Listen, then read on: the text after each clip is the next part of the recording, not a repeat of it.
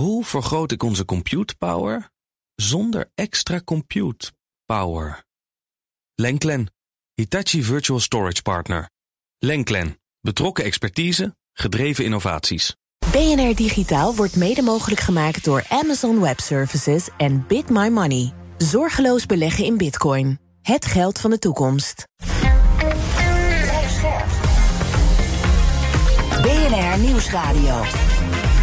Digitaal. Joe van Buurik en Ben van der Burg. Goed dat je luistert naar BNR Digitaal. We hebben het geregeld over grote Amerikaanse cloudbedrijven. Maar hoe is het eigenlijk om een Nederlandse partij te zijn die cloud-infrastructuur verzorgt? Dat hoor je zometeen. En later in deze show beschouwen we Binance, de grote cryptobeurs, de grootste zelfs, die zich lijkt op te werpen als redder van de hele cryptomarkt. En we praten over nieuwe plaatsbepalingstechnologie die nog veel nauwkeuriger moet zijn dan GPS. Maar eerst Ben van den Burg moeten we het hebben. Alweer. Over. Ja, we niet komen er niet onderuit. Nee, maar het is nu niet zomaar. Nee, Twitter, Elon Musk en Ja. Apple. Want daar heeft Musk nu eigenlijk gewoon de oorlog aan verklaard. En die oorlog is, interessant. En we kennen natuurlijk, er is de afgelopen jaren heel veel oorlog gevoerd over de App Store, Fortnite, weet Epic je, Games, Epic Games, rechtszaak van vorig jaar. rechtszaak, eh, die 30% Maar het lijkt of Musk nu weer daar overheen gaat en daar ook weer oorlog over voert. Ja. En de aanleiding was ook heel mooi, want hij had van Apple die adverteert minder op Twitter. Het ging, eh, ze hadden vorig jaar nog in Q1 48 miljoen. De grootste adverteerder vond ik ook opvallend. Mhm. En toen hadden ze het in één week, vorige week, echt door de helft is het gegaan. Zo. Dus het is in één keer voorbij. Maar dan is Elon Musk zo glad of zo slim, ja, dat weten wij niet. Weet Of zo dom misschien wel. Of zo dom. En dan gaat hij het gelijk combineren met hate speech in Amerika. Ja, het, de, het vrije woord en Het het vrije vrije woord. dat hij Ja, daarvoor ja, ja. inricht bij Twitter, naar eigen zeggen. Want hij mentionde Tim Cook begin deze week op Twitter om te zeggen... hey, wat is dit nou? Support Apple niet meer het vrije woord. Ja. Omdat ze gestopt zijn met adverteren. In ieder geval een, een, flinke slash in het, eh, in het budget. En nog meer dingen, hè? Ja, nee, ja ik heb, kijk, waarom dat interessant is met dat vrije woord. Ik zocht nog even op eh Parler. Weet je, de rechtsradicale social medium. Dat, eh, dat is er afgehaald, eh, zeg maar, twee jaar geleden toen het helemaal En misging. tegenwoordig in bezit van de artiest, voormalig bekend als Kanye West. Ja, precies. Eh, en en, toen, en ik, ik zocht nog even die mail op die Apple stuurde naar Parler waarom ze af werden gehaald. En dat Ja. was geen actieve moderatie, geen duidelijk beleid op moderatie. Ze laten te veel staan.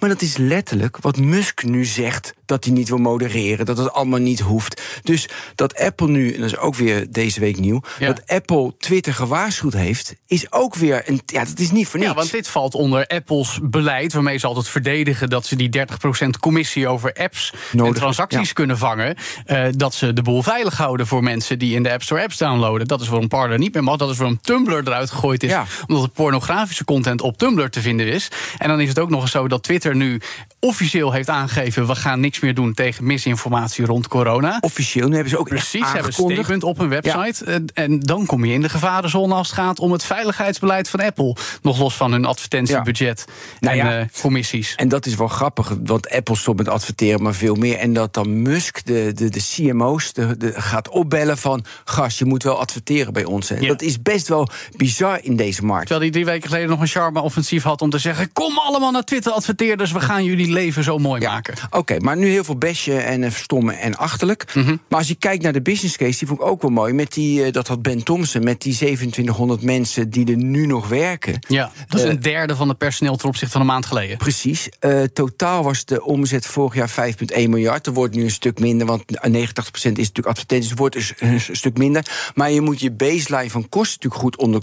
onder, onder controle houden. En als dat 4 miljard is, dan is je op break-even. Dus als je nu 4 miljard omzet dit jaar heeft, hij heeft 4 miljard kosten, schatten ze, dan is je op break-even. Ja. Het is van de beurs af. Hij hoeft zich tegenover niemand te verantwoorden. Oh, hij heeft zich in de schulden gestoken om Twitter te kopen. Hè? Ja, maar En zelfs die rente en, kan en aandelen betalen? Tesla verstrengeld met Tesla. Klopt, klopt. Dat is ook, hij heeft 100 miljard verloren, dat weten we allemaal. Maar van die, van die 4 miljard kosten, daar zit ook, dus, daar zit ook de rentekosten in. Dus eh, ik probeer expres ook een positieve engel te brengen. Anders, ik vind namelijk te makkelijk dat ik alleen maar gebash, gebash. Ja. En weet je, voor hetzelfde geld gaat iets ineens helemaal linksaf, rechtdoor of naar achteren. En dan hebben wij het allemaal mis. En dat ik, zou ik, ik, ook wel ik, grappig snap vinden. het, Ben. Jij bent in je vrije tijd ook CCO. Jij wil zien waar Musk de commerciële kansen ziet liggen. Ja, ja, want daarom. Omdat ik. Weet je, je, je kan het vaak ook niet zien. Maar normaal gesproken slaat het natuurlijk al. We hebben hier voorbeelden gegeven, slaat het allemaal helemaal nergens op. En toch hebben we het weer over. Want als er iets interessant is, dan is het wel Elon Musk die het wil opnemen tegen het grootste bedrijf ter wereld in beurswaarde. Ja. En dat is natuurlijk Apple. Digitaal. En bij cloud providers denken we niet aan Apple, maar wel aan andere Amerikaanse techreuzen. Maar er zijn natuurlijk ook Europese bedrijven die zich daarmee bezighouden. Waaronder het Nederlandse i3D.net. Sinds kort drievoudig winnaar van de FD Gazellen Award voor de snelst groeiende bedrijven in ons land. En dan vragen wij ons natuurlijk af: hoe doe je dat nou eigenlijk groeien als cloudbedrijf uit Nederland? Waar liggen de kansen? En dat gaan we horen van Bart Kemps, CCO van i3D, en Stefan Ideler van eh, ehm, i3D, CTO bij dat bedrijf. Welkom heren in BNR Digitaal. Dank u wel. Goed dat jullie er zijn. Hey, waar hebben jullie die derde FD Gazellen Award nou aan verdiend? Wat doen jullie zo goed? Ehm, Bart. ja, wat doen wij goed? Ik denk dat eh, wij onszelf ehm, heel erg goed gepositioneerd hebben voor corona. En daarna is het ook een hele hoop ehm, Geluk. ja, toeval. Eh, Geluk dwing je af, denk Ja. ik. Eh, eh, we hebben gewoon het juiste gedaan op het juiste moment. Waar we sowieso succes mee zouden gaan behalen, denk ik, achteraf. Maar je Eh, bedoelt eigenlijk, jullie hadden helemaal dingen opgelijnd... zodat mensen en partijen gebruik konden maken van cloud-technologie... de infrastructuur die jullie bieden. Juist. En corona kwam dus eigenlijk precies op het juiste moment... dat die mensen en partijen dat ook nodig hadden. Ja, eh, dat klopt. En we hadden een aantal klanten die eh, eh, gewoon heel erg in trek zijn geraakt. Mhm. Omdat mensen thuis zaten, een manier zochten om met elkaar te gaan videobellen. Ehm, of ja, als ze klaar waren met werk, gingen ze gamen, want er was niet heel veel anders te doen. Noem eens een paar van die klanten dan. Discord is een hele grote Ja, ehm, communicatieplatform. Ja, daar doen wij alle infrastructuur voor. Dat weten ook niet heel veel mensen. Mhm. Ehm, en ja, we zijn nu niet alleen onderdeel van Ubisoft, maar we bedienen ook eh, gamepartijen zoals EA eh, of Psyonix. Ehm, ja, echt de grote publishers van deze wereld. Ja, en aangezien we toch allemaal thuis zaten in coronatijd... werd er ook een stuk meer gegamed. En dus ook verkeer op jullie eh, servers, zou ik maar zeggen. Ja, maar Bart, met die FD Gazelle kijk je toch ook naar omzetgroei. Dat klopt. En omzetgroei in die cloud business koop je toch ook gewoon. Dus jullie zijn onderdeel van Ubisoft. Weet je wel, vol investeren. eh, onder de prijs gaan zitten. Dat je al die klanten binnen, binnenhengelt. Heb je al die klanten, prijs omhoog. Ja, zo? nou zo eh Ja, ik pakken doe wij het expres zwart-wit. Ja, ja heel goed. Nou, wij zien dat wel gebeuren in de markt. Eh, je ziet de grote Amerikaanse partijen die dat echt doen. Die zijn echt bezig met een stukje marktaandeel eh, winnen. Alleen de kwaliteit laat heel vaak te wensen over. En wat wij heel erg goed gedaan hebben, denk ik, eh, sinds eh, eh, onze beginjaren, is investeren in onze infrastructuur. Ja. Eh, ons netwerk is zestiende gerankt in de meest gepierde netwerken van de wereld. Ja. Gebouwd voor eh, low latency en first-person shooters, met Ja. Dus echt gericht op gaming. Dus vooral om te zorgen dat gamers de, de beste ervaring hebben als ze games spelen die op jullie servers draaien, zou ik maar zeggen. Stefan, kun jij iets meer in layman's terms uitleggen hoe je dat voor elkaar krijgt? Ehm, dat klopt. Inderdaad, voor, voor, ehm, voor spelers is dat het allerbelangrijkste. Mhm. En voor onze klanten ook. Want dat betekent dat zo'n speler, als die tevreden is, gaat hij ook weer die nieuwe uitbreiding kopen. Of Ja. die skin of die microtransactie. Een doen. blije gamer is een gamer die geld uitgeeft. Exact, exact. En hoe doen wij dat? Ehm, nou, ja, eh, wij zijn dus. ehm, wij opereren dat wij het liefst zo dicht mogelijk bij al die gamers overal in de wereld willen zijn. Ja. Met onze infrastructuur. Dus je hebt heel veel datapunten Heel over veel de hele wereld. datapunten. Je Bijna staat bij Equinix, hè? Is het alleen maar Equinix of nog andere Het is een mix van eh, suppliers. Equinix is wel een, een groot aandeel daarvan ook. Zag Eh, en heel veel plekken in de wereld. We hebben ook eigen datacenters hier in, in Nederland. Onder andere in de Vanellenfabriek. En het doel is dus zo dicht mogelijk bij de spelers te staan. eh, met de apparatuur. Zodat de afstand tussen de speler met de computer tijdens corona... en de machine in het datacenter... eh, waarbij de multiplayer sessie eh, op, tot stand wordt gebracht... dat die zo kort mogelijk is. Dus, dus daardoor is de ervaring van die speler Ja, zo optimaal. maar dicht bij de server met de speler, dat kan in principe iedereen. Doe je ook nog iets in de infrastructuur waardoor Juist. de latency laag is? Juist. Ehm, een hele grote focus is natuurlijk om met al die grote internetbedrijven, internetbedrijven in deze wereld, dat je daar allemaal van deze verbindingen met elkaar opzet, het heel fijnmazig maakt, zodat die server in het datacenter, wat op zich heel generiek is, daar het toch een soort specialistisch product wordt vanwege al die connecties die je hebt gemaakt. Daarnaast een stukje software daarbovenop.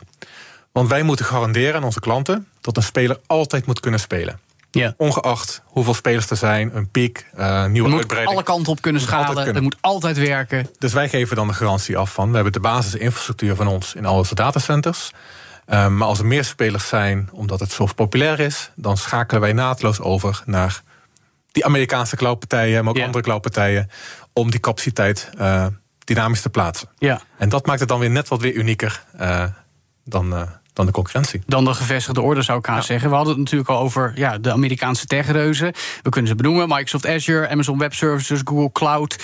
Um, hoe overleven jullie dan toch? Want je hebt elkaar een beetje nodig. Het zijn toch ook je concurrenten. Hoe positioneer je en wat doe je om te zorgen dat je niet te veel last van die grootheden hebt? Um, nou, wat wij denk ik heel erg goed doen is een stukje customer service. Mhm. Mm -hmm. Je ziet bij die grote reuzen, dan kom je op een platform terecht en uh, dan ben je een nummertje. Ah, je bent zelfredzaam. Er is geen telefoonnummer, er zit geen support in. Wat bij, is de nummer één vraag bij customer service? Bij ons? Ja. ja? Hoe wij, ja, het is niet echt een nummer één vraag. Het gaat vaak om samen iets te kunnen bouwen. Of een oplossing. We zien nu heel veel uh, uh, problematiek. In, eigenlijk. Ja, maar bijvoorbeeld DDoS-aanvallen Mhm. mm -hmm. uh, zijn wel een hot topic. Daar hebben wij een hele goede oplossing voor. Maar dat blijft een kat-en-muisspelletje. Dus om dat op te lossen heb je ook de, de klant nodig. Om samen daar naar een oplossing te kijken. Ja. Dus dat is wel de nummer één vraag. Um, maar waar wij sterk in zijn, denk ik, is dat wij onze klanten gewoon uitnodigen in ons Slack-kanaal.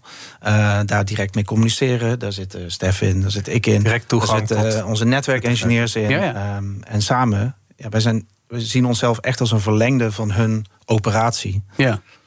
Maar, ja, maar, dan ben ik toch, ja. maar dan ben ik toch benieuwd wat dus een, waar een Discord mee komt. Weet je, waar. Dus het inderdaad DDoS aanvallen, maar waar komen ze mee? Wat zijn de issues die ze hebben dat ze voor jullie kiezen? Want jullie hebben iets unieks en ze kunnen ook echt naar heel veel andere partijen. Ja, of is dat wat ik hoor nog steeds het start-up idee van daadwerkelijk rechtstreeks met de mensen kunnen schakelen? En ondanks dat jullie heel hard aan het groeien zijn, dat dus blijkbaar op nummer 1 blijven zetten? Nou, het, het is een combinatie van factoren. Aan de ene kant is wel die directe toegang. En tot wij daardoor ook zo flexibel kunnen zijn, ook als er een nieuwe locatie gewenst is, dan kunnen we dat gewoon regelen binnen een korte tijd. Oké. Okay. Dan is het van start tot business case tot uitrol. Hebben we het over maximaal uh, een paar maanden. Mm -hmm. um, tweede stuk is het, het, stukje kwaliteit wat je biedt. Uh, naast ook het stukje prijsvoordeel wat toch ook speelt. Uh, ten, als je, in vergelijking als jij 100% in de cloud zou neerzetten. Yeah. Dus daar zit ook een, een, een punt bij. Um, en daarnaast toch die bijna 20 jaar een specialisatie op bepaalde nichegebieden. Ja, want jullie doen het al een tijdje. We doen het al een tijdje. Daar moeten we er wel bij zeggen. Kijk, als we het specifiek hebben over Discord. Uh, we kwamen van een situatie dat we een van de twaalf leveranciers waren. En zij uh, kijken heel erg naar de kwaliteit. Zij noemen dat de MOS-score. Ja. Kwaliteit van de verbindingen. Uh, de kwali ja, dus kwaliteit van de voice-applicatie als het ware. Ja. En wij bleven maar winnen. Dus op een gegeven moment werden die twaalf, werden er acht, werden er zes, werden er drie. En zij bleven ondertussen wel maar groeien. Dus op een gegeven moment kwamen zij er ook achter. Ja, die drie, dat is, heeft ook weinig zin. Dus laten we, onze, laten we maar voor de beste kiezen. Ja. En dat zijn wij geworden. Ja. Um, en uh, wij zitten nog steeds in een actieve concurrentiestrijd met Google. Want die wil die business heel graag winnen. Okay. Maar wij blijven het winnen, omdat wij die kwaliteit weten te waarborgen. En met ja. name um, uh, de kwaliteit van onze support het meedenken, het actief meedenken met de problemen van de klant. Dat is iets wat ze niet weten te vinden bij zo'n partij als Google. Ja, dus het is toch heel erg het ja, persoonlijk contact, om het maar even zo te zeggen. Absoluut, ja, ja dat is toch ja. onderscheidend. Ja. Het inzicht geven in als er een probleem is, dat wij direct inzicht kunnen geven. Wat is er? Want zij willen ook binnen een minuut hun users kunnen informeren van wat er gaande is. Ja, zodat ze transparant kunnen zijn en zeggen dit is aan de hand en we zijn ermee bezig. En dat het ook echt gebeurt en dat je niet uh, in het duister gehouden wordt. En maak je uiteindelijk ook, want nu uh, dan weet bijvoorbeeld of ik ben een game aan het spelen een shooter en dan hapert die en dan, uh, dan wil natuurlijk wil IE bijvoorbeeld direct weten van waar komt het door. Waarom is er voor de gebruiker niet gelijk een dashboardje van oh daar zat een hapering in die datacenter bijvoorbeeld of de interconnectiviteit uh, haperde even. Zit dat eraan te komen of niet? Dat is een, heel, dat hele goede. gebouwd. Hè? We hebben wel ooit zoiets gebouwd. Zie je dat? Kijk. Alleen uh, we zien ook dat. Ze willen niet de klanten. De, je ziet vaak dat de, de, de, de relatie eindgebruiker. Ja? Uh, toch vaak die relatie door onze klanten wordt ja, beheerd. Mhm. Mm -hmm. uh, nu zijn die uh, eindgebruikers, de gamers uh, en, en van deze wereld ook tegenwoordig slim genoeg te zo kunnen zien waar staat het. En dan krijgen wij soms ook directe vragen of op Reddit en dan kunnen we ook gewoon netjes beantwoorden. Um, bij een aantal van de, de, de, spellen die wij dan hosten, dan kan een speler ook direct zeggen: Dit was niet goed, mijn afgelopen sessie. Ik stuur mm -hmm. deze klacht gelijk door. En dan wordt het binnen het spel, komt het uiteindelijk direct bij ons terecht. Zodat er wel een soort van een, een feedback loop is. Ja. Um, Maar dat zou wel een, in de toekomst zou dat best wel weer een volgende stap kunnen zijn. Want ehm, ja, dan kan alles nog sneller. Dan kan er nog sneller gereageerd worden en krijgt de speler nog sneller die voldoening. Alles moet instant zijn tegenwoordig. Ja. Dat, ah, er is naar me geluisterd. Oh, dit is aan de hand. Oké, ik snap het. Ja. ja. ik wil toch nog even weer opnieuw naar de vergelijking met de techreus. Maar dan vooral omdat we in Europa de afgelopen tijd steeds meer horen welke privacybezwaren er allemaal zijn. Als je naar Google, Amazon en Microsoft gaat. Juist ook in Nederland met de overheid die onlangs gezegd heeft dat ze daar gebruik van willen gaan maken. Biedt dat nou ook meer kansen voor Nederlandse of Europese cloudbedrijven zoals jullie? Ik denk dat dat. Uh, ja, er zijn kansen. Uh, je ziet natuurlijk ook wat, wat pushback op die beslissing die is genomen door de overheid. Ja, de autoriteit persoonsgegevens heeft een tik op de vingers gegeven. Um, nou, uh, mijn persoonlijke mening is ook, ja, er zitten wel, wel risico's aan. En ik snap aan de ene kant, je gaat uh, voor een betrouwbare oplossing waar je misschien hele goede inkomsten mee hebt. Ja. Aan de andere kant hebben we als Europa zijnde ook wel wat doelstellingen qua datasoevereiniteit, qua um, privacywetgevingen. Ja. Um, qua ja, doelstellingen om toch een soort Europees ecosysteem nou, dat is te houden. Ja, we hebben Gaia X, waar we af en toe wat van horen, wat volgens mij niet heel erg snel gaat. Um, nou, daar zijn, wij proberen we ook een duitje in het zakje bij te doen. En ik ben wel eens dat daar uh, wordt natuurlijk ook wel flink wat gevochten. Maar ik zie daar wel waarschijnlijk nieuwe standaarden uit voortkomen, die wij misschien alweer kunnen gebruiken om de, de interoperabiliteit tussen de verschillende diensten die je kan afnemen in jouw digitale wereld te kunnen ja, dat het makkelijker wordt om je data van één partij naar een andere partij te Nee, dat, dat, dat is helder. Maar Bart, ik kijk jou even aan, want jij gaat over de, de commercie, zou ik willen zeggen. Um, is dat ook een stukje lobbyen en aangeven bij bijvoorbeeld de Nederlandse overheid van: hallo, wij zijn hier, wij kunnen dit hartstikke goed, we hebben een track record van 20 jaar. Uh, geef ons kansen om dit meer te doen. En zo zijn er misschien nog drie. En dan bouwen we een hele Europese IT-infrastructuur met cloud-technologie op. Of, of ligt het anders? Nou ja, je kijkt uh, naar mij misschien wel naar de verkeerde. Oh, okay. uh, omdat, ja, wij richten ons vooral op de game-markt. Ja, nee, dat, dat snap ik hoor. In, in Amerika is dat heel erg groot. Ja, maar is het iets waar jullie wel op zouden willen of kunnen toeleggen, of, of, of niet? Uh, voor mij. Stefan, jij knikt heftig. Voor mij, uh, ja, ja, zeker. Wij, wij, uh, wij, wij, zien daar zeker kans in de toekomst. Um, je ziet natuurlijk bepaalde landen om ons heen waar het al iets meer speelt. En Duitsland en Frankrijk wordt toch wel vaker naar de nationale partij gekeken op het gebied van dit vraagstuk. Ja. Om daar mee, mee te leveren. Um, in Nederland. Um, ja, wij, zijn ook zeker betrokken en proberen ook deze feedback nou, te geven. Ik zou bijna die tender willen zien van de overheid toen Google won. Ja. En, wat, en wat de criteria waren en uh, waar ze op scoorden. En betrouwbaarheid. En het, moet, uh, het mag niet da, nou, betrouwbaar prijs. Ja. Zou ik best willen zien. Heb je daar inzicht in waar, je, waar een, partij, een Nederlandse partij dan op afhaakt, waardoor ze het niet redden? Nou, ik, ik, zou daar best een aanname in willen doen. Maar ja, ja, ik, dat is interessant. Ik merk dat uh, Google best wel uh, bereid is om een broek te laten zakken. Mm. Dus het gaat om prijs. Dat is de prijs. Is dat. Ja, en, uh, want ze hebben een schaalvoordeel, hè? laten we wel zeggen. Nou ja, um, Niet alleen. Ik las laatst een onderzoek dat voor iedere dollar die er bij Google binnenkomt, gaat er 1,43 dollar uit. Zo. bij Google Cloud moet ik zeggen. Ja, Google Cloud. Nee, helder. helder. Um, ja, de Nederlandse aanbestedingsmarkt is hoofdzakelijk gericht op prijs. Ja. Als het dan de prijs aankomt. Ze willen het gewoon voordelig, zo voordelig mogelijk hebben. Zij zijn echt gewoon bezig met landgrab. Ja. Um, en tegen elke kost. Ja. En daar gaat niet iedere partij in mee. Want dat, ja, dan hou je je broek niet hoog. Nee. Dat is ook een stukje gemak. Hè? Wat we wel zien bij de, de hele grote partijen. Die mm -hmm. hebben een mogelijkheid om ontzettend veel gemak te bieden... voor de generieke gebruiker van die applicaties. Ja. Um, als, uh, als een kleinere partij of ook andere partijen in Europa, moet je opboksen tegen dat gemak. En dat is ook een constante discussie die ik heb ook in de gamesindustrie met de klanten. Ja. Wij, wij kunnen het laten zien. Wij kunnen qua kwaliteit beter, qua kosten beter en qua support beter. Maar ja, ontwikkelaars moeten misschien wel een stukje gemak inleveren van wat ze gewend zijn. Ja. Um, en daar zie je nu wat ons helpt, is dat zeker aan de voorkant van deze innovatiecurve van hoe bedrijven zitten op een digitale ontwikkeling. Ja tot bij heel veel bedrijven nu wel wat de realisatie begint te ontstaan. Ook het was niet misschien zo verstandig dat ik al mijn eieren bij één cloud provider heb neergelegd. Mm -hmm. Ik moet misschien naar meerdere tegelijkertijd kijken, of meer een stukje terug, of een hybride vorm. Ja, hybride doen ze veel. En, en dat is nu wel wat ook uh, ons helpt. Toch wel? Uh, omdat uh, bij veel bedrijven toch ook wel gerealiseerd is van bij hele grote volumes is een cloud provider net een datacenter als vroeger. Ja. Met commitments, spend commits, voorwaarden van wat je wil doen. Dingen kunnen zijn uitverkocht. Ja. Um, dan kan je net zo goed een klein beetje meer eigen controle weer nemen. Kansen spreiden dus. Wat is nou de belangrijkste aanjager voor de ontwikkeling van cloudgebruik? Want we hebben het natuurlijk heel erg over de toepassingen vanuit uh, business, vanuit overheden. Maar consumenten, dat is eigenlijk waar jullie het meest op richten. Als je zegt gaming, nou, videostreaming is natuurlijk al jarenlang populair. Uh, wat, wat, is nu leading als je zegt van nou, daardoor wordt cloud nu nog meer uh, gebruikt in, in de huishoudens ook? Is dat toch vooral gaming en, en video of zijn er nog meer dingen die meespelen? Ja, de huis, ja, wij richten ons echt op de publishers. Hè, dus ja, ja, het, maar uiteindelijk komt het bij de eindgebruiker terecht. Uiteindelijk komt het bij de eindgebruiker uit. Um, kijk, uh, cloud, ik denk dat de afgelopen jaren uh, zijn heel veel bedrijven die vonden cloud was echt de buzzword, toverwoord, uh, allemaal daar naartoe. Uiteindelijk blijft het someone else's server. Ja. Um, Jullie naam staat er niet op, alleen die van de uitgever van de game. Klopt, en je ziet bijvoorbeeld ook zo'n overheid.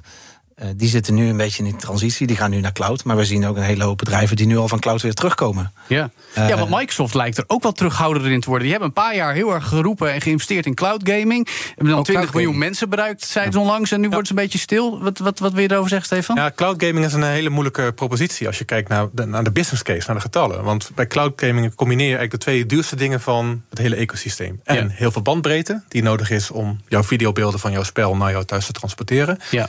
En je hebt ontzettend krachtige machines nodig, qua CPU en qua grafische kaarten, om dat spel te kunnen simuleren voor de speler. Ja. ja. Dus dat is voor mij ook een, uh, was het ook geen verrassing dat bij Stadia bijvoorbeeld de stekker er werd uitgehaald. Ja, Google die, uh, was daar toch best wel abrupt in. Een hele, het is een, een moeilijke markt. Um, ik zie er maar hoe is die ontwikkeling? Want ik ja. dacht dat ook in 2005, to, uh, toen YouTube begon met video. Weet je, ja. bandbreedte, video. Gaat er niet worden. Nou ja, dat is veel te duur qua business case. Dus als het natuurlijk allemaal steeds goedkoper wordt, je kan ook op de toekomst voor. Exact. Voor ik denk de partijen met uh, de diepe zakken, die, uh, die kunnen het uit, uitzingen. Want de technologie die ontwikkelt door. Uh, nu kan je misschien 10 of 15 spelers tegelijkertijd op zo'n machine van 50.000 euro tegelijkertijd laten spelen. Ja. Misschien is dat over twee of drie jaar dat je er misschien 100. Ja, maar dan moeten dus wel de prijzen van de componenten die in al die machines ja, in die datacenters staan, die moeten omlaag om het viable te laten zijn. Op dat moment ga je pas met dat tientje of 20 euro per maand uh, als aan abonnement daadwerkelijk geld kunnen verdienen. Ja, Bart? Nou ja, waar, waar ik daarin uh, uh, een beetje gezond sceptisch ben, ja. is dat de AAA-titels zoals je die nu kent, is echt de, de mooie grafische games. Ja. Daar is die infrastructuur, wat Stef zegt, op een dure server kan je 8 tot 10 spelers kwijt. Mm -hmm. uh, dat is heel lastig rond te rekenen. Um, en de, de simpelere games, die je er wel op kan draaien, ja, daar, die, die casual gamer die zit ook op mobile heel erg goed. Ja. ja. En je ziet dat die. Je hoeft helemaal niet naar de cloud per se. Nee, en je ziet dat de innovatie of de behoefte aan zwaardere telefoons of, of tablets, dat die behoefte veel groter is dan die gamehoek. Ja. Dus ik ben heel benieuwd waar in dat spectrum dat cloud gaming nou een plek gaat vinden. Heel veel mensen willen er wat mee en, en geloven er ook in. Mm -hmm. um, alleen ja, je hebt die hardcore gamer die bereid is om wel zo'n console of een PC te kopen. Ja. En je hebt die casual gamer die mobiel. op, op de ja. mobiel prima uit de voeten kan. Ja. Daartussen zou het ergens moeten zitten. Kijk, de, de, nu de, de use case die echt geld oplevert, is als je het inzet om spellen te verkopen. Ja. Je, mensen kunnen klikken om de demo te spelen. Binnen een seconde kan je spelen. Wat eigenlijk Microsoft met Xbox ook al een exact, beetje doet. Hè? Ja. Exact. En dat zou dus nog wel een vlucht kunnen nemen. Ik denk dat dat de sale, want dan heb je ook direct een sale er tegenover. Van uh, wat je ook cloud streaming heeft gekost, wordt direct betaald door de verkoop van, van, van die game. Ja, heb je het gelijk gedekt. En dan, uh, daar zit uh, denk ik uh, voor nu het echte geld nog. Ja. Uh, willen we dit als een Netflix voor games gaan zien? Ja. Dan moeten we nog een paar jaar uh, vooruit voordat dat denk ik winstgevend wordt. Want op dit moment zie je juist um, zijn er andere bedrijven die aan het succes ten onder zijn gegaan omdat ze maar hardware bij moesten kopen. Ja. Weer nieuwe videokaarten, weer een nieuwe generatie. Ja. Om het ja, steeds maar bij te kunnen benen. Dat vergeten veel mensen. Ja? Dat als je succes hebt, ja. Ja, die voorinvestering van die hardware, je moet het wel hebben staan. Ja. Dus nu, als je geen succes hebt, dan gaat het op zich aardig. Maar er zijn gewoon bedrijven, wat Stef zegt, ten onder gegaan aan hun succes, omdat ze niet konden leveren. Ja, ja, ja. nou zo, zo gaat het dan dus. Maar goed, bij jullie gaat het dus wel goed. Uh, dank jullie wel. Bart Kemps, CCO van i3D. En Stefan Idler, CTO van i3D. Straks dan in BNR Digitaal gaan we het hebben over onder meer Binance, dat met een miljardeninvestering de cryptomarkt wil redden. En we gaan bespreken welke technologie een nauwkeuriger alternatief gaat bieden voor GPS. En hoe dat precies werkt, dat hoor je zo meteen.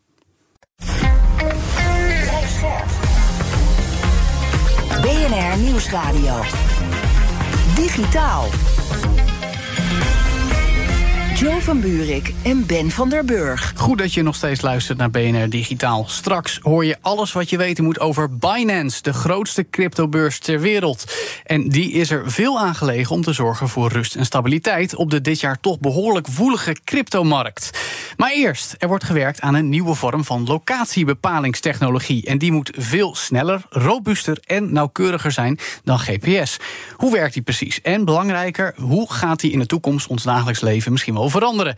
Die vragen stellen we aan Erik Dieriks, wetenschapper bij het Nationaal Meteorologisch Instituut VSL. Welkom Erik in BNR Digitaal.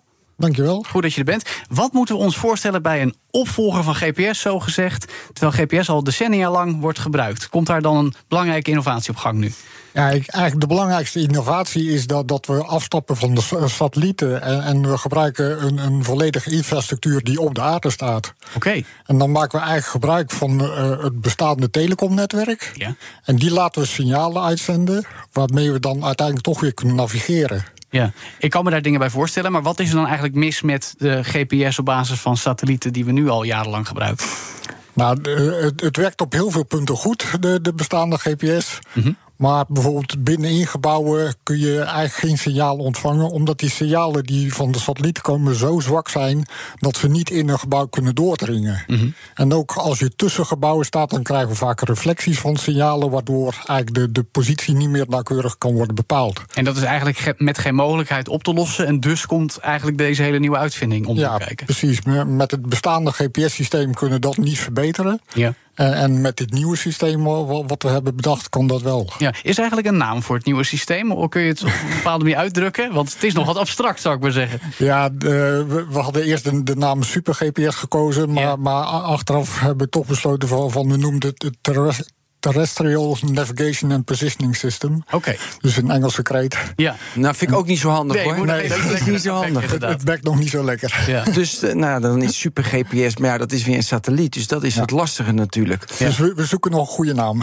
Oké, prijsvraag. Goede Ja, naam mooi, insturen, mooi, mensen. Ja. Ehm, zijn er, er worden toch ook heel veel combi's gemaakt om de locatie goed te bepalen? Combinatie van GPS en ja, eh, netwerk. GPS, netwerk. Ja, eh, de- dus eh, uiteindelijk zie ik dit nieuwe systeem ook als een aanvulling op bestaande systemen. Eh, en elk systeem heeft zo zijn eigen voordelen. En wat ik net al zei, die satellietsystemen die zijn heel zwak. wat de, in, in signaal die, die we ontvangen. En, en kan daardoor makkelijk worden verstoord. Eh, dit, dit nieuwe systeem heeft sterkere signalen, is makkelijker in, in, in gebouw ook te gebruiken. We moeten even naar dat nieuwe systeem, hoe het dan werkt. Ja. Wat het dan precies is. Ja, kun, kun je dat in, in, in Jip en Janneke taal een beetje Nee, uitleggen? Nature-artikel. Nature-artikel. Nee, enigszins begrijpelijk. Wat doet het? Eh, Hoe, hoe werkt het? Eh, eigenlijk de, de basisstructuur die we gebruiken is het telecomnetwerk. Ja. Eh, vanuit een centrale atoomklok. En in dit geval voor het, eh, de, de proef hebben gekozen voor de atoomklok in Delft. Mhm. En die stuurt tijdsignalen naar eh, zenders. Naar de mast. Naar de mast. naar, naar de telecommasten. Ja. Ja. En van daaruit wordt dan een, een signaal verstuurd... wat vergelijkbaar is met, met navigatiesignaal van satellieten... maar met een iets andere structuur. Waardoor het gewoon ja, beter te ontvangen is, minder goed... Ja, mi- of minder te verstoren is. Dus het is robuuster, Het is betrouwbaarder. robuuster, ja. Ja, maar ik wil het even snappen. Dus je hebt een atoomklok, je hebt een telecommast... en dan heb je nog een telecommast. En die atoomklok die, die stelt die telecommasten gelijk dat, dat de gelijke tijd is. Ja, Want nu heb je al, als je een telecommast hebt... dat je een hele grote straal weet je van die persoon is daar. ja. Maar waarom is dat nu, omdat die atoomklok daar gekoppeld is... dat het dan ineens nauwkeuriger is? Die heb ik nog niet, die link. Ja, want de, de positie bepalen, dat, dat gebeurt eigenlijk door tijdverschilmetingen. Ten opzichte van tenminste drie masten. En als je die de tijdverschillen kunt meten op eh, beter dan een nanoseconde nauwkeurig, dan kun je die positie bepalen op beter dan een decimeter nauwkeurig. Ja. En dat kan nog niet met de huidige telecomsignalen. Dus daarom moesten die vers- verbeterslag nog maken. Dat is het. Dus ik sta tussen drie palen. Ja. En dan, omdat het zo op de honderdste, op de, op de nanomillimeter nauwkeurig... kan je, daardoor weet je dus waar ik ben. Precies. Hey, het voorbeeld dat je aanhaalt, hè, twee masten, atoomklok, klinkt best eenvoudig. Maar Ja, zo te horen, simpel. als je dat over het hele land wil uitrollen, moet je alle telecommasten gaan gebruiken. Eh, eh, is het zo ingewikkeld dan wel simpel als ik het nu beschrijf? Ja, eigenlijk wel. Uh, we moeten dit heel breed gaan uitrollen over heel Nederland of misschien zelfs nog breder. Ja. Uh, het geluk in Nederland hebben dat er al heel veel glasvezel in de grond ligt. Dus dan hebben we al een flinke voorsprong. Uh, vervolgens moeten die antennes die er al staan ook nog op bepaalde punten aanpassen, zodat ze die nieuwe signalen kunnen uitzenden. Mm -hmm. En daarvoor is wel wat nieuwe extra apparatuur nodig. Dus dan, dan hebben we de basisstructuur te pakken. Maar vervolgens moeten natuurlijk ook nog de nieuwe ontvangers uh, verder gaan ontwikkelen. In ons uh, experiment op de TU Delft hebben we een, een prototype gebouwd. Mm -hmm. En uh, we hebben gezien dat het werkt. Maar dat is nu nog een, een vrij groot apparaat. En dat neem je niet zomaar zeg maar, in je zak mee. Nee. Dus, dus die moet nog aanzienlijk kleiner worden gemaakt om het uiteindelijk bruikbaar te maken. Ja, ja, wat vinden die telecom operators hiervan? Dit is een nieuwe geldstroom voor ze. Ja, ik denk, Denk dat ik. dit uh, een nieuwe toepassing is voor, voor de Vinden ze het? Geven ze geld om dit verder te ontwikkelen? Uh, on, ons huidige onderzoek is, is vooral ge, ge- uh, gefinancierd door de Nederlandse overheid. Uh, de, Wij, de- Joe. nou, niet alleen wij. Heel Nederland. Ja, maar eh, ja, telecombedrijven, net als KPN, die, die eh, zijn daar nauw bij betrokken. Ja. Eh, en die, die kijken ook heel erg mee van, van eh, hoe dit zich verder ontwikkelt. Ja, die hebben ook een stukje financiering in het project gestoken. In, Ja. in de vorm van, van een wetenschapper die, die ook eh, heeft mogen meewerken hieraan. Ja, hey, want jij bent van, van VSL. Hè? Jullie werken ook nog samen met de TU Delft en de VU Amsterdam. Ehm, hoe, hoe ziet die samenwerking eruit? Wat, wat is jullie rol daarin? Ja, de, de rol van VSL is dat wij zorgen voor die heel nauwkeurige tijd. Wij zijn het Meteorologie-instituut en een van de dingen die wij doen is heel nauwkeurige tijd maken. En die is gewoon de basis van, van deze hele opstelling. Eh, het hele idee, het concept, is bedacht door Jeroen Koelemij van de VU. en, en die he- heeft een, een toekomstbeeld gehad van met die nauwkeurige tijd en dan zo'n telecomnetwerk kunnen we zo- zo'n nieuw navigatiesysteem maken. Hij is dan vervolgens gaan zoeken van wie hebben we daar verder bij nodig. En dat was iemand die, die verstand heeft van navigatie. En dan kwam ik terecht bij Christian Tiberius van de TU Delft. We hadden iemand nodig eh, met verstand van elektronica en, en dataverwerking. Dat was Gerard Jansen van TU Delft. Ja, En ja, iemand van de tijd, dan kwamen ze bij mij terecht. ja nou, Dus dat, dat kan me toen voorstellen. was het team eh, compleet. Ja, nou, nu hebben we een beetje de werking en het proces beschreven. Maar wat gaat er nu allemaal mogelijk worden? Wat, wat kunnen we hiermee wat nu nog niet kan? Ja, de, de basis is natuurlijk veel nauwkeuriger navigeren. Ja. En dat, dat geeft heel veel nieuwe toepassingen. En dan kun je bijvoorbeeld denken aan, aan autonoom rijdende auto's. Ben wordt wakker. Ja, ik ben, ik ben gelijk helemaal blij. Vertel. Nou, eh, kijk, een van de, de zwakste schakels in het huidige verkeer, dat, dat is eigenlijk de, de mens. De meeste ongelukken worden veroorzaakt door de Nee, je, mens hoeft niet, zelf. je hoeft niet de autonome auto uit te leggen, maar waarom een preciezere plaatsbepaling, locatiebepaling, zorgt dat autonoom rijden dichterbij komt? Dat wil ik graag weten. Nou, eh, met, met dit nieuwe systeem kunnen we onze plaats bepalen op decimeterniveau, of dus ongeveer 10 centimeter nauwkeurig.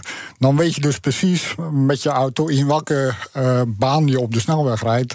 En dat je niet op het fietspad ernaast rijdt of, of eh, ergens anders op een parallelweg. Ja, dus wat ik nu wel eens heb als ik op parallel snelwegen rijd... dat hij denkt dat ik op de 80 km per uur baan rijd... terwijl ik eigenlijk op Precies. 100 km baan Ja. zijn. Dat, dat is straks verleden tijd als dit in werking Ja, treedt. dat, dat is straks verleden tijd. Ja. En dan- dan, weet elke auto precies eh, waar die zit op de weg. En Ja. ja, ja dan, kun je dus veel nauwkeurig gaan, gaan navigeren. Nu klinkt dat heel mooi. Jij had het net al over de ontvanger die nog fors in formaat is om daar überhaupt mee te kunnen werken. Maar kunnen de autonoom rijdende auto's, tenminste, daar willen de fabrikanten naartoe, die nu ontwikkeld, geproduceerd worden, eh, hypothetisch aangepast worden om ook van jullie technologie gebruik te gaan maken over bijvoorbeeld tien jaar? Uiteindelijk wel, ja. De, natuurlijk, daar, daar zijn nog een paar verbeterslagen voor nodig. En, en daar gaan we ook verder aan werken. Maar uiteindelijk kan dat, dat gewoon in een kleine chip worden gebakken. En, en dan, dan kan het gewoon in elke Ja. nieuwe auto worden. Ja, Erik, waar ik nu ook aan zit te denken. Kijk, toen dat GPS in de lucht werd geschoten, hadden we ook geen idee wat het allemaal zou brengen. En dat is eigenlijk ook met dit. En, maar ik zit nu ook van, wat kunnen we er allemaal mee? Is dat soms ook niet irritant? Het is toch ook gewoon, moet je maken, daar komen dan uiteindelijk producten uit. Of die hele valorisatie is niet van belang. Of ik. Ja, natuurlijk is je dat ernaar? van belang. Maar, maar je, je moet beginnen met concepten. En, en de toepassingen komen vaak vanzelf. En dat hebben we met, met GPS ook gezien.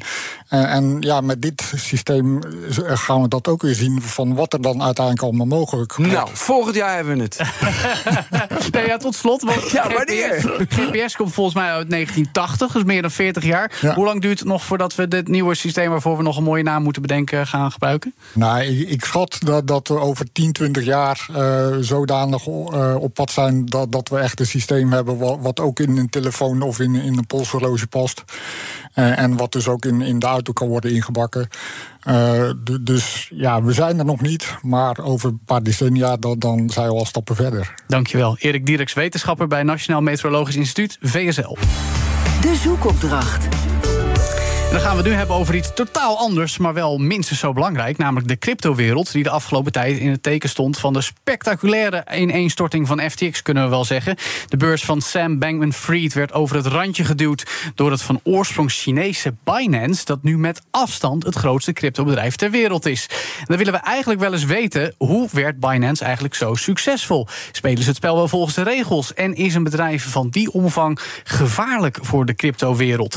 Onze eigen redacteur, Daniel Daniel Mol zocht het uit en is nu bij ons in de studio om daarover te vertellen. Ha, Daniel. Dag Joe. Hi, hi.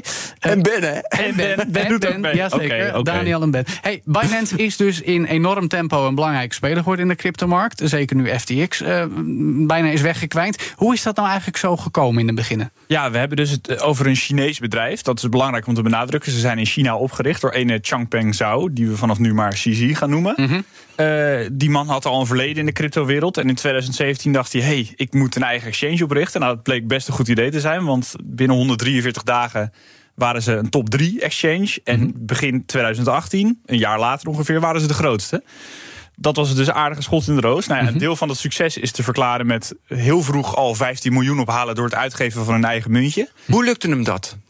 Ja, Want heel veel tijd- in die tijd wilde In die tijd deed iedereen dat, Ben. een ICO. De- de- Ja, precies. Een initial coin offering. Dus een soort beursgang maar dan met je eigen iedereen deed het, maar de ene haalde 15 miljoen op en de andere natuurlijk maar 1 miljoen. Dus hij had behoorlijk veel ja, opgehaald. maar dus dat startkapitaal was al heel. Dat, dat was echt heel belangrijk voor ze. Maar als ik zelf terugdenk aan die tijd. Nou, dat was dus een tijd, moet je begrijpen. De sky was the limit. Alles veranderde in goud. Ja, Ook- want opeens gingen de koersen omhoog, hè, 2017, 2018. Ja, het was echt een, als je nu terugdenkt, echt een bizarre, bizarre soort van eh, ja, bubbeltijd. Ja. Eh, en Binance bood al die muntjes die allemaal Ah, door het dak gingen, die boden ze grappig. allemaal aan. En dat was op een manier, weet je, eh, we hadden hier Nederlandse bedrijven die al wat met regeltjes aan het doen waren. Amerikaanse bedrijven deden dat. En Binance was gewoon eigenlijk casino waar je zonder regels gewoon binnen kon lopen en beginnen met Dus handelen. normaal een beurs hadden ze alleen maar de 4, 5, 6 grote kon je kopen. En daar gewoon alle shitcoins die je maar kon Ja, verzinnen. nou ja, het was echt een shitcoin casino inderdaad. Goed dat je het noemt. Ja. Eh, nou ja, Coinbase, ter vergelijking. Coinbase, een hele grote Amerikaanse, echt een Silicon Valley bedrijf. Die had in die tijd vier munten. Die hadden eh, Bitcoin, Ethereum, Litecoin en Bitcoin Cash. Hele belangrijke munten waren dat toen. Maar Binance had alle gave nieuwe projecten. En daar kon je gewoon vet veel geld verdienen. En dus ook vet veel geld verliezen. En dus kwamen alle klanten naar Binance. Ja, nu moeten we het even hebben over de geopolitiek. Want Binance is dus eigenlijk Chinees. En zoals we wel vaker zeggen bij Chinese tech, in de breedste zin des woords, kunnen we dat wel vertrouwen. Ja, nou ja, ik, ze zijn toch niet Chinees? Nee, precies. ze willen zelf in ieder geval roepen ze heel hard dat ze niet Chinees zijn. Ze zijn niet in ieder geval een typisch Chinees bedrijf zoals we dat kennen. Weet je, we hebben het dan, eh, als we het over geopolitiek hebben, hebben we het over TikTok, over Alibaba, over ByteDance, Tencent. ja. Precies. Eh, weet je, die, die hebben allemaal eh, overheidsbanden. Ik denk dat Binance dat minder heeft. Weet je, ze hebben even in China gezeten. Toen zijn ze daar echt weggejaagd. Naar Omdat Tokio gingen ze toen? Ja. Precies. W- waar ze er allemaal zijn geweest, komen we zo nog wel even op. Oké. Maar de, de, de overheid kwam met hele strenge regels en hebben Binance echt weggejaagd. Nou ja, toen zijn ze inderdaad Tokio gegaan, Singapore, Malta. Malta. En nu zitten ze dus op de Cayman-eilanden. Nou, dan weet je dus wel hoe laat het is. Ja, die, die zullen niet heel netjes omgaan met de belastingvoorschriften. Nou, dat niet alleen, maar ook gewoon eh, lang leven de lol. Ja. Geen regels. Nee, Nou, heerlijk. Precies. Maar oké, eh, in hoeverre heeft de Chinese overheid linksom of rechtsom nog invloed op wat Binance doet?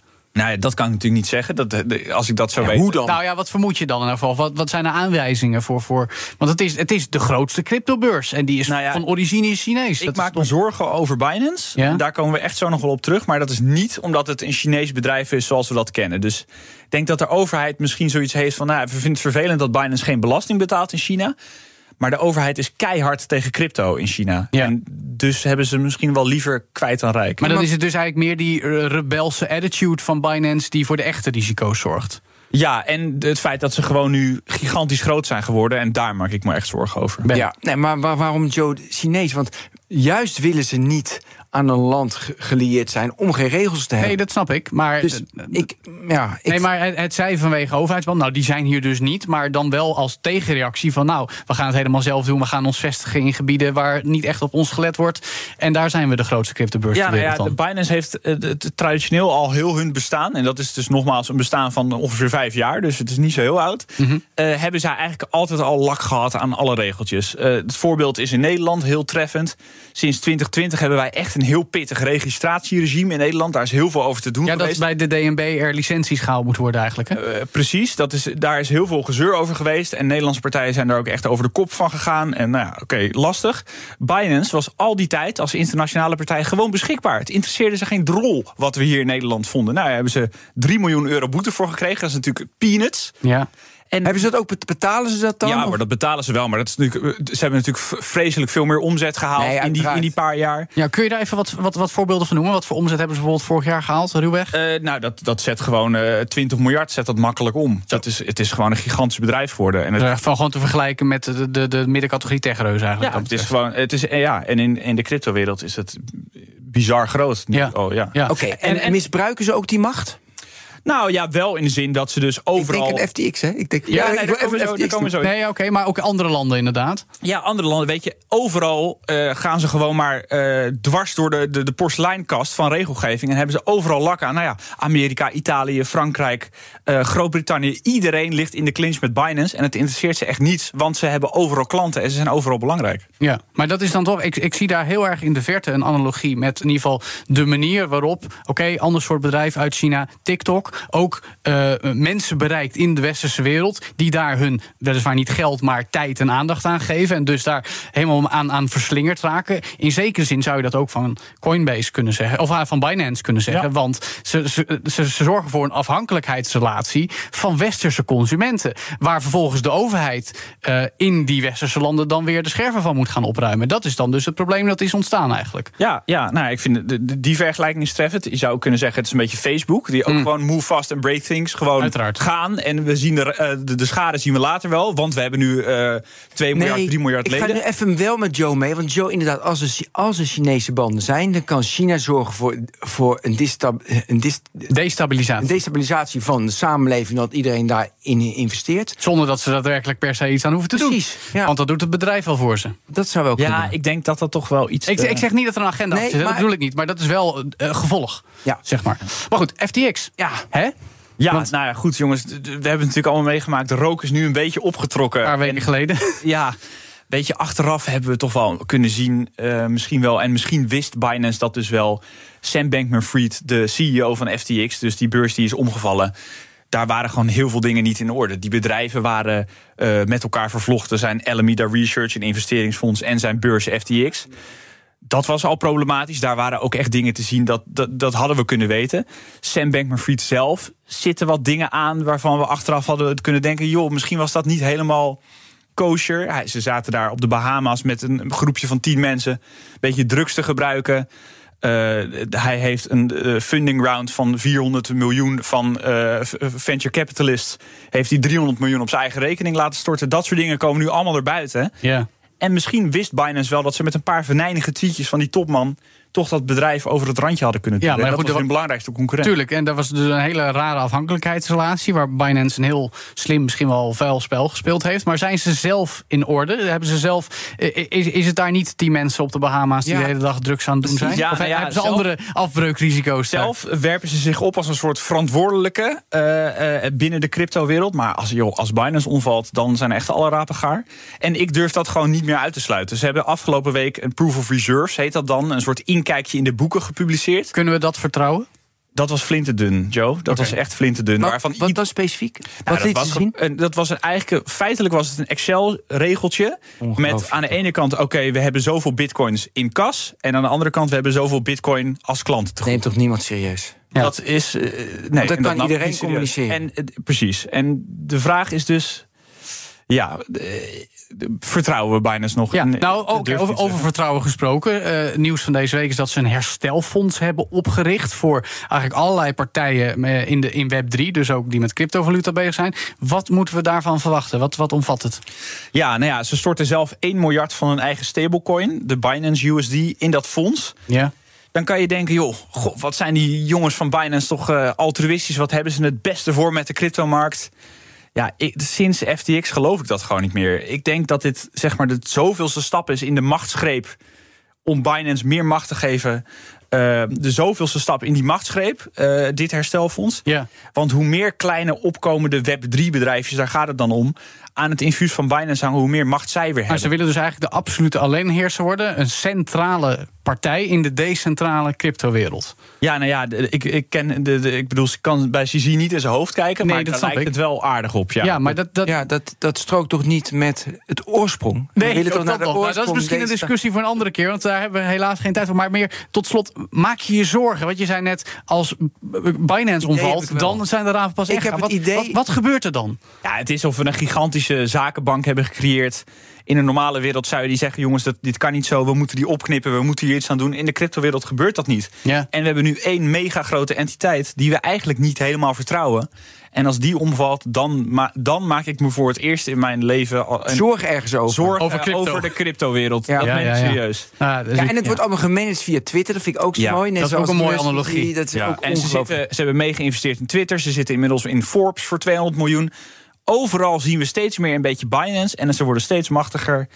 En ik vind dat best wel spannend. Dat snap ik heel goed. In ieder geval veel dank voor deze toelichting in de zoekopdracht. Tech-redacteur Daniel Mol. Tot zover BNR Digitaal. Je kan dit programma altijd terugluisteren, ook als podcast op elk platform. En ook via bnr.nl en onze app. Daarin vind je ook andere podcasts over tech en dus ook videogames. Zoals All in the Game. Daarin bespreken we onder meer de vele nieuwe titels die nu verschijnen. Zoals de nieuwe Call of Duty, die ken je vast al. Maar ook Vampire Survivors, die moet je leren kennen.